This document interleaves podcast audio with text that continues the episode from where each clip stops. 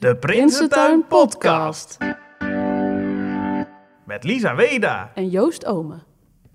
Eh, Joost, eh, Dichters in de Prinsentuin vindt plaats in de Prinsentuin, midden in Groningen. En jij dacht, we maken van aflevering 3 het thema zand en zee. Ja, Hoe kwam je op dit idee? Hoe ontdekte je deze nou, thematiek? het punt is, wij organiseren dan elk jaar Dichters in de Prinsentuin. Al twintig jaar lang. En elk jaar eh, zijn er naast de professionals ook eh, heel veel eh, talenten die meedoen. Die staan in de loofgangen. Die staan in de loofgangen. Alleen om daar te mogen voordragen moet je je eerst aanmelden en moet je een aantal gedichten meesturen. En dat zijn altijd een stuk of eh, 120 aanmeldingen van allemaal verschillende dichters uit het hele land en uit België. En als je die dan allemaal binnenkrijgt, dan gaat ongeveer 80% van die gedichten over zand en zee. en dat is heel bijzonder. Ja, Eh, maar het pro- probleem daarvan wel is dat er eh, een heel groot gedeelte daarvan behoorlijk eh, cliché is soms. En ja dat, is, eh, je de beeldspraak inmiddels wel uit je hoofd kent. ja, klopt. En dat is jammer, want er zijn ook goede gedichten over zand en zee. En eh, die goede gedichten die moeten soms ook even eh, in de spotlights worden gezet. Want anders denkt iedereen, straks kunnen we nooit meer over zand en zee dichten. En dat zou jammer zijn, want zand en zee bestaat. Oké, dus in deze derde aflevering van de Prinsentuin podcast gaan we luisteren naar zand en zee. Ja, naar goede gedichten over zand en zee. Oké, en alleen met jonge talenten. Eh, nee, Lies van Gassen heeft bijvoorbeeld ook een eh, gedicht geschreven over zand en zee. Om even te laten zien, eh, goh, ik als professional hou me ook met deze thematiek bezig. Hm, en zij zat ook in de band met broeder Dieleman, toch? Klopt, die doet vooral dingen over vogels, wat mooi samengaat met zand en zee. Ja, Zoals meeuwen dat past wel bij elkaar. en Jan van Genten, albatrossen. Goed, zullen we beginnen met de eerste dichter? Bernadette Stom, Bernard Lichtaard, Dorien de Wit, Esmee van den Boom, Lies van Gassen, Ilona van Braam. Onze vader zei: We wonen op een eiland. Serieus, een eiland. Nou ja, een schiereiland. Ik wilde zijn idylle niet verstoren, maar zoveel asfalt, pijpen en containers. Daar valt geen eiland van te bakken. En dat water, moest dat niet wijder? Op vakantie werd er niet gegaan. Het paradijs lag onder onze houten slippertjes. Onze vader bouwde ons een strand. Een naaktstrand. Maar dat geloofde moeder niet. Tussen onze ouders lag de scheiding van het naaktstrand met het gewone strand. Wij lagen aan de kant van onze moeder.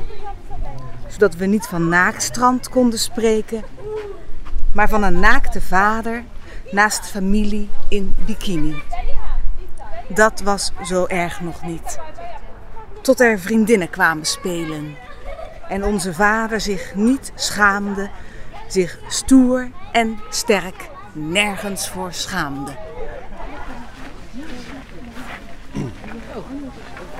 Bij wie zijn ze hier? Zie je? Ik zeg, bij wie zijn? Oh, bij Bernard. Oké. Ja. ik heb dat boekje wel hoor, maar Ja. vanwege de regen hou ik hem in mijn tas. Waar wilt u een gedicht over horen? Nou, ik De weet zeevaart, niet. Of, natuur. nou, Voor zeevaart is wel leuk, denk ik. Ben u een zeevaart. zeeman geweest? Ja, ja, ja. Oké. Maar 40 jaar, dat is niet zo lang. Oh, Maar goed. Even zoeken, mevrouw. ja, daar weet je er genoeg van, neem ik aan. Ja. In het eh, verleden werden schepen bevracht. Hè? Op- Aan de hand van een boekwerkje, dat kwam wekelijks uit. Daar stonden de namen van de havens en de schepen alfabetisch met de vertrekdatum. Oké. En dat heette Lloyd's List. En dit is over Lloyd's List uit juni 1987. Toen hadden de scheepsnamen nog vooral vrouwennamen. Dat is jammer dat ze dat hebben afgeschaft, want het was natuurlijk een prachtige traditie. Lloyd's List. Delphine Delmas heeft Douala verlaten en is nu onderweg naar Rowendo. De Kifangongo is bestemd voor Luanda. Marina Raskova vertrekt vanuit Odessa naar Haiphong. De Yalamohan vaart van Calcutta naar Odessa. Yinghe gaat van Qingdao naar Hongkong. En Victoria de Giron verlaat Tarragona. What is your name? Where do you come from? Raffaele Caffiero ligt op in La Spezia. Elisabeth Montanari staat in brand. Maria Pia Esse liep aan de grond. En Viola Corton gaat te water in Busan. De zee wiegt ons loom. Op zee slaap je zacht. Anna Dracopoulos kiest zee vanuit Thessaloniki. Teresa Olalia vertrekt van Rotterdam naar Calabar. Galia Gomleva is bestemd voor Leningrad. En Eva Oden vaart thuis naar Göteborg. Goede reis. See you later. Schrijf je nog? Oversteek. Je staat op de rand van de stoep alsof je op de rand van een klif staat. Niet wetend of overgave een beweging naar voren of achteren is. Je hebt een koffer in je hand, maar eigenlijk houd je je daaraan vast. Terwijl je wiebelt op je benen, niet als twijfel, maar een teken van de ander die in je aanwezig is. Iemand die een spiegelbeeld in je lichaam beweegt. Iemand die een reserveleven maakt voor als het eerste mislukt. Om de regen weg te jagen. Ankers. Er is een foto van mij, vijf jaar, met een sloophamer. Er kwam een nieuwe keuken. Er kwam een boot met mijn ouders mee terug na een wandeling. Ik mocht hem dopen. Geen deuken maken. Wie tien jaar lang gaat varen op vakantie wil ook wel eens met het vliegtuig heeft handen vol haaientanden van geheime stranden heeft geleerd. Je kunt van bramen en pannenkoekenmeel prima taarten bakken. Je kunt je vinger in de taart steken, op een aanzichtkaart drukken. Je kunt de kaart naar een vriendin met smetvrees sturen, zonder adres. De postbode komt ook uit het dorp. Je kunt dezelfde film tien dagen lang twee keer per dag kijken. Daar wordt hij beter van. Je kunt een anker uitwerpen. Wie te veel woorden tussen kaften meeneemt, laat de boot scheef hangen. En wie zeeziek wordt, moet sturen. Eh, misschien zijn jullie ooit aan de Schelde gaan wandelen op de kaai. Daar heb je zo'n uh, houten vlot waar dat, uh, de Flandria-boten aanleggen om de toeristen rond te, rond te laten reizen op de Schelde. En ja, ook soms wordt dat als veerpont gebruikt. maar het meest wordt dat, dat vlot eigenlijk gebruikt door jongeren die daar in de, dit seizoen zo'n beetje gaan zitten en wat gaan hangen. En voor mij is het een mooi ja, is dat een mooi beeld van hoe dat jongeren zich bewegen in de stad Antwerpen. Ze zitten daar zo wat te hangen en uh, te luisteren naar muziek. En te genieten van het moment eigenlijk. En ik heb daar ooit een gedicht over geschreven en dat heet Vlottende Pont. We zitten op de pont als kippen in een emmer. En we breken af de pont, het hout dat vlotte gaat, de boot die onze ogen van het water trekt. We zitten en het meisje op de kade wijst en zegt: Kijk uit voor de hangende man. Kijk af, kijk aan, de klaarte overmant ons, blast. En een van de jongens zit blast met ogen als vlindervleugels op de wagen. Het is niet de bedoeling dat de huizen roepen, want de nacht is niet in ons blast. We geven ons, we zitten, we geven ons leven aan de hoogste bieder.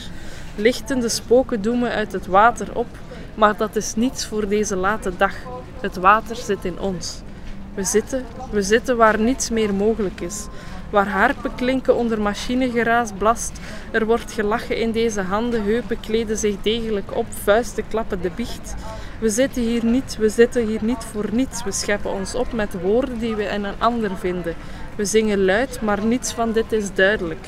We blinken als, we zitten, we blinken als een schipper in het tegenlicht, onder de forse mastodont, onder de lachende kathedraal, onder ons schip, ons huis, ons dieven, ons geblast. We zitten luid. Ja, het waaide op de dag dat alles anders moest. Ze zou verwoestend zijn, zei iemand op het nieuws. Kijk uit voor dakpannen en bomen. Blijf thuis, schuilen, open haard. Ik heb je drie, vier keer gebeld. Al die regen, geen gehoor. Misschien is het de wind geweest die buiten je hoofd in de war zich nergens aan stoorde en maar door en door ging. Dat het waaide en waaide, jij de trein haalde. En eh, om daar toch nog even op door te gaan, want ik was ook wel echt fan van eh SME. Ze is ook zo vriendelijk. En hè? er is ook een boekje, toch? Klopt. Esme heeft het eh, magazine van eh 20 jaar dichters in de Prinstuin voor ons gemaakt. Mhm. Dat heeft ze met zeer veel verven gedaan. Het is een heel mooi magazine geworden, op glanzend papier. en het leukste hoofdstukje gaat over Maarten Praamstra. Oké. De soort met eindbaas van eh, dichters in de Prinstuin, die niet eh, op, de- op de hoogste top van de voedselketen zit, maar ondertussen wel alles ondersteunt en iedereen helpt en ongelooflijk lief is voor alle dichters. Wauw. Oké, top. En is dat magazine nog verkrijgbaar? Dat magazine is nog verkrijgbaar Via het internet. via het internet, maar ook bij boekhandel Godert Walter in Groningen. Ah, top. Eh, zullen we het dan maar afronden? Ja. Dit was aflevering 3 Over Zand en Zee. van de Prinsentuin podcast. Geproduceerd door Ondercast. En mogelijk gemaakt door... Dichters in de Prinsentuin van Stichting Literaire Activiteiten Groningen. Doei. Peace out. We staan hier met Obe. Obe, jij bent ook een dichter. En we gaan straks luisteren naar ehm, de Bloemlezing podcast, waar alle dichters die op Dichters in de Prinsentuin 2017 zijn opgenomen. Hoe luister jij zelf naar poëzie? Ten eerste ben ik een poëzielezer en niet per se een luisteraar. Maar als ik dan toch naar poëzie luister, tijdens voordrachten zoals hier, dan ben ik eigenlijk een hele slechte luisteraar, omdat ik iets hoor waar ik over na ga denken of in een soort van associatiereeks terechtkom en dus eigenlijk de rest van het gedicht niet hoor, maar dat er iets is wat me intrigeert en eh, dan ben ik eigenlijk even weg.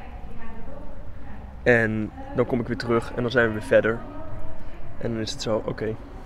Dus je moet je daar eigenlijk ook een soort van aan overgeven dat je niet alles specifiek kan luisteren. Ja, dus ik, dit, misschien een slechte luisteraar een verkeerd woord, maar een hele... eh, Selectieve luisteraar. precies. Ik denk dat het, dat het juist heel goed is als je niet het hele gedicht hoort of het hele gedicht begrijpt. Ook al of je het nou aan het lezen bent of aan het luisteren bent. Waarom denk je dat dat goed is? Omdat ehm, je kunt niet iets volledig begrijpen. En ik denk dat het beter is om je te laten meevoeren op bepaalde betekenissen, klanken, ritmes eh, of eh, beelden die eh, tot de verbeelding spreken. Of nou ja, waar je misschien een persoonlijke klik mee hebt of wat dan ook. Ik ben zelf inderdaad, ik ben zelf iemand die niet krampachtig alles wil weten, maar meer van wat is het gevoel erbij, wat is het effect van wat eh, deze dichter hier doet, in plaats van het gedicht als eh, een soort cadeautje dat je kan uitpakken en dat je dan Ja. de betekenis ervan vindt. Dat dus. Yes, dankjewel.